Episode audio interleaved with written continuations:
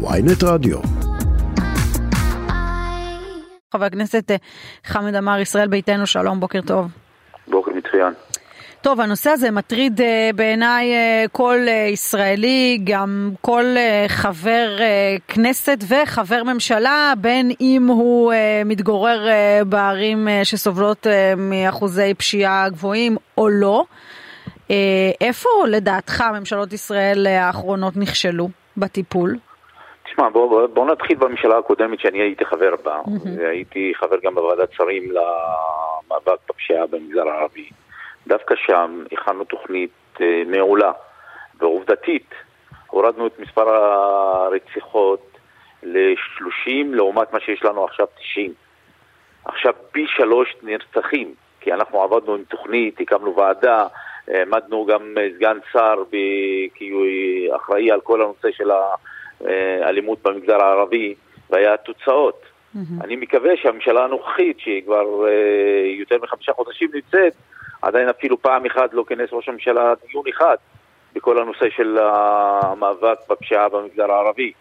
אה, זה ההבדל בין הממשלה הקודמת לממשלה הנוכחית.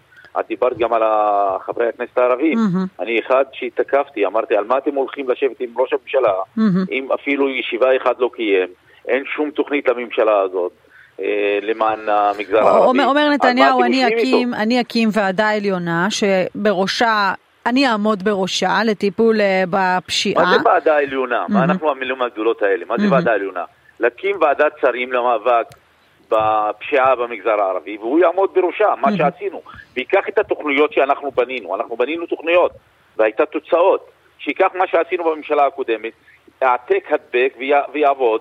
הוא יכול להביא תוצאות. תן את הדבר הדחוף ביותר מכל התוכנית שלכם. אני לא, יכול, אני לא יכול לפרט על התוכנית שעבדנו איתה.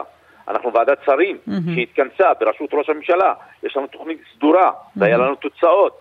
אני לא יכול ב- עכשיו בתקשורת להגיד איזה תוכנית עבדנו, mm-hmm. אבל התוכנית שאנחנו עבדנו איתה אה, הביאה תוצאות. לא, אבל אם היא מהרות. נותנת את הטון שלה במה? בהוספת אה, תחנות משטרה, באיסוף נשק? גם, כמו... אני, אני, אני לא אוהב... אה, פריסת מצלמות, ש... גם זה עלה שם בשיח בין ראש הממשלה לחברי הכנסת. יש מצלמות, רוב הנרצחים במגזר הערבי, יש מצלמות שם, אנשים מצולמים, מופצים אז איפה הבעיה? למה לא? הבעיה, למה... אני אומר לך, אני גם הייתי השבוע בדיון עם המפכ"ל, עם כל צמרת המשטרה בוועדת הביקורת. והמשטרה בעצמה אמרה, חסר לי כוח אדם, 8,000 שוטרים חסרים. צריך לגייס 8,000 שוטרים, באופן מיידי צריכים 2,000 שוטרים, יש כוח אדם חסר, כל ההבטחות לשר אה, ביטחון לאומי, בן גביר, אה, שום דבר, הכל אה, רק דיבורים. כי בתקציב, אני עברתי על התקציב, אני ישבתי במשרד האוצר. מה, מה ראית בתקציב? וראיתי בתקציב, הטייס האוטומטי רק עבד, אפילו אין, אין תוספת כלום, ובתוספת... אבל ה... בסוף ש... לכולם יש כאן אותו אינטרס, גם לבן גביר. בן גביר רוצה לטפל בפשיעה במגזר הערבי, זה לא שהוא, אה, אתה יודע, מוכר סיסמאות, זה, זה אינטרס שלו כמו אה, שזה אינטרס של כל אזרח ערבי, כמו שזה אינטרס שלי אגב, כאזרחית המדינה. אין אחד שלא רוצה לטפל, כי מדינה שהביטחון האישי של האזרחים שלה הוא אפס, זו מדינה נכשלת. מדינה שהמשילות שלה במגזר הערבי היא אפסית, זו מדינה שנכשלה. מדינת ישראל נכשלה בטיפול באלימות במגזר הערבי. הממשלה הנוכחית נכשלה ונכשלה בגדול. לכן אני אומר, קודם כל צריך לעשות את התקציבים הדרושים. לשבת עם, אה, ושמענו את זה מצמרת המשטרה, mm-hmm. מהמפכ"ל לכל צמרת המשטרה, שחסר להם המון המון תקציבים. אמר, אנחנו מתכננים בחוסר, עובדים בחוסר. משטרה במדינה דמוקרטית לא יכולה, לא יכולה לעבוד בחוסר ולתכנן בחוסר. Mm-hmm. צריך לעבוד עם תוכנית סדורה, צריך לעבוד עם תוכנית שתביא תוצאות. לא יכול להיות שאחוזי הפענוח של הרציחות במגזר הערבי פחות מ-10%. אה, אתה, יודע, יש תמיד טענה שאין מספיק שיתוף פעולה, ולכן... מה זה אה, שיתוף פעולה? מה, מה, את עכשיו מדברת כמו שמדברים אנשים שלא רוצים לעשות פתרון. מי צריך שיתוף פעולה? תשאלי ילד בן העשר במגזר הערבי, יגיד לך מי האנשים שעושים בעיות באותו יישוב שלו. זאת אומרת, המשטרה יודעת.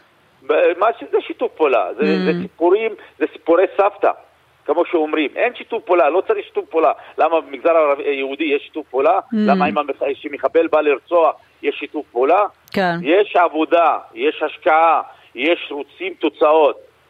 והממשלה הזאת לקחה את הנושא ושמה אותו בצד, עכשיו התעורר ראש הממשלה לעשות ישיבה עם הח"כים הערבים, מה, מה, מה יצא מהח"כים הערבים? אה, אתה מבין את השיתוף פעולה שלהם איתו, או שאתה אומר להם, אה, הוא, הוא עושה להבין, סיבוב מה, ציני? מה, מה, מה זה שיתוף פעולה? אנחנו, כשר, אני הייתי שר, גם אני עכשיו חבר כנסת והרבה שנים חבר כנסת. זה לא המקצוע שלי להיאבק בפשיעה. שיתוף פעולה יש לו עם הכנסת. כל חוק שיביא לכנסת, שיוריד את הפשיעה, אולי צריך לערב את השב"כ. אני, העמדה שלי ברורה מה, מהיום הראשון. שכן? שב"כ צריך להיכנס לתמונה. לא יכול להיות שהשב"כ בצד. Mm-hmm. צריך לעשות גם מעצרים מנהליים. אמרתי את זה גם בישיבות ממשלה בעבר, והעמדה שלי לא השתנתה. אם אנחנו לא ננקוט ביד קשה בנושא הזה, זה יכול להביא להרס פנימי בתוך מדינת ישראל. כן. לא יכול להיות שאזרח ערבי יפחד לצאת מהבית. ברור. והיום אם אזרח ערבי מפחד, מחר אזרח יהודי יפחד לצאת ברור. ב... לא, לכן זה אינטרס של כולנו. חבר הכנסת אמר, אני רוצה לשאול אותך, אה, לנצל את ההזדמנות שאנחנו אה, מדברות, אה, מדברים, מדברים סליחה, אני רוצה לנצל את ההזדמנות שאנחנו מדברים. הבוקר התברר שאתם כישראל ביתנו לא השתתפתם בשיחות בבית הנשיא, אתם לא מאמינים בכנות הכוונות של נתניהו, אבל אחרים באופוזיציה כן אה, השתתפו, והנה הבוקר אנחנו שומעים מהליכוד שההערכה של יו"ר הקואליציה שזה הולך לפיצוץ, ואז בעצם אה, החקיקה הזו חוזרת כבר בכנס הנוכחי של הכנסת. עד כמה הדבר הזה מפתיע אותך? לא, לא מפתיע אותי בכלום. אביגדור ליברמן האיש היחידי שאמר מהרגע הראשון כל התרגיל של נתניהו זה משיכת זמן. Mm-hmm. ראינו אפילו את זה, אחרי, אמר אה, ליברמן שהאיש המתאים ביותר היום לעמוד מול ביבי נתניהו זה אביגדור ליברמן. Mm-hmm. האיש שמכיר את הכי טוב את ביבי נתניהו זה אביגדור ליברמן. הוא אמר את זה מהיום הראשון, אביגדור ליברמן.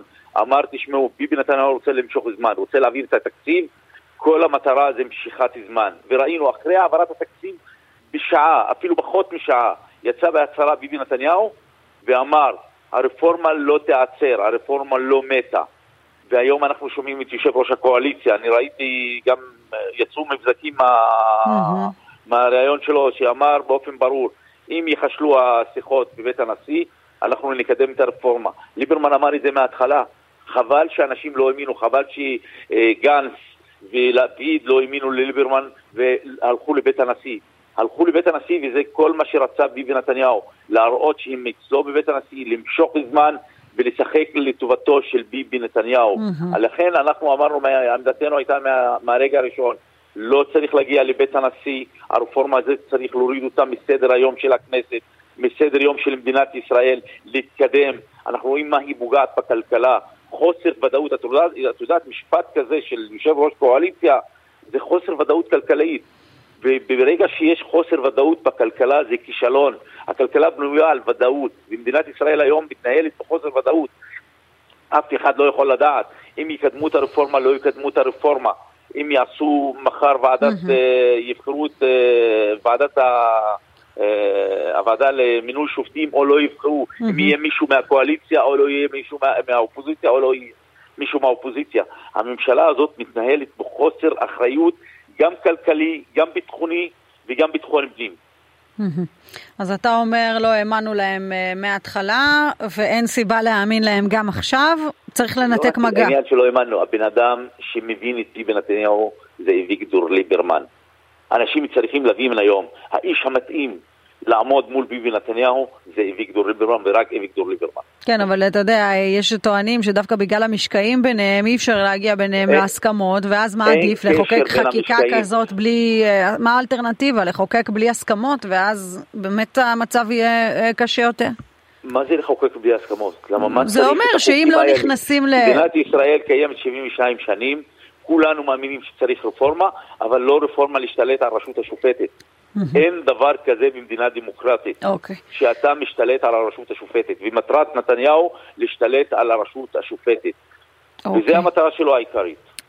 חמד עמאר, חבר הכנסת אה, חמד עמאר, ישראל ביתנו, תודה רבה שדיברת איתנו ובוקר טוב. תודה לך והמשך יום טוב.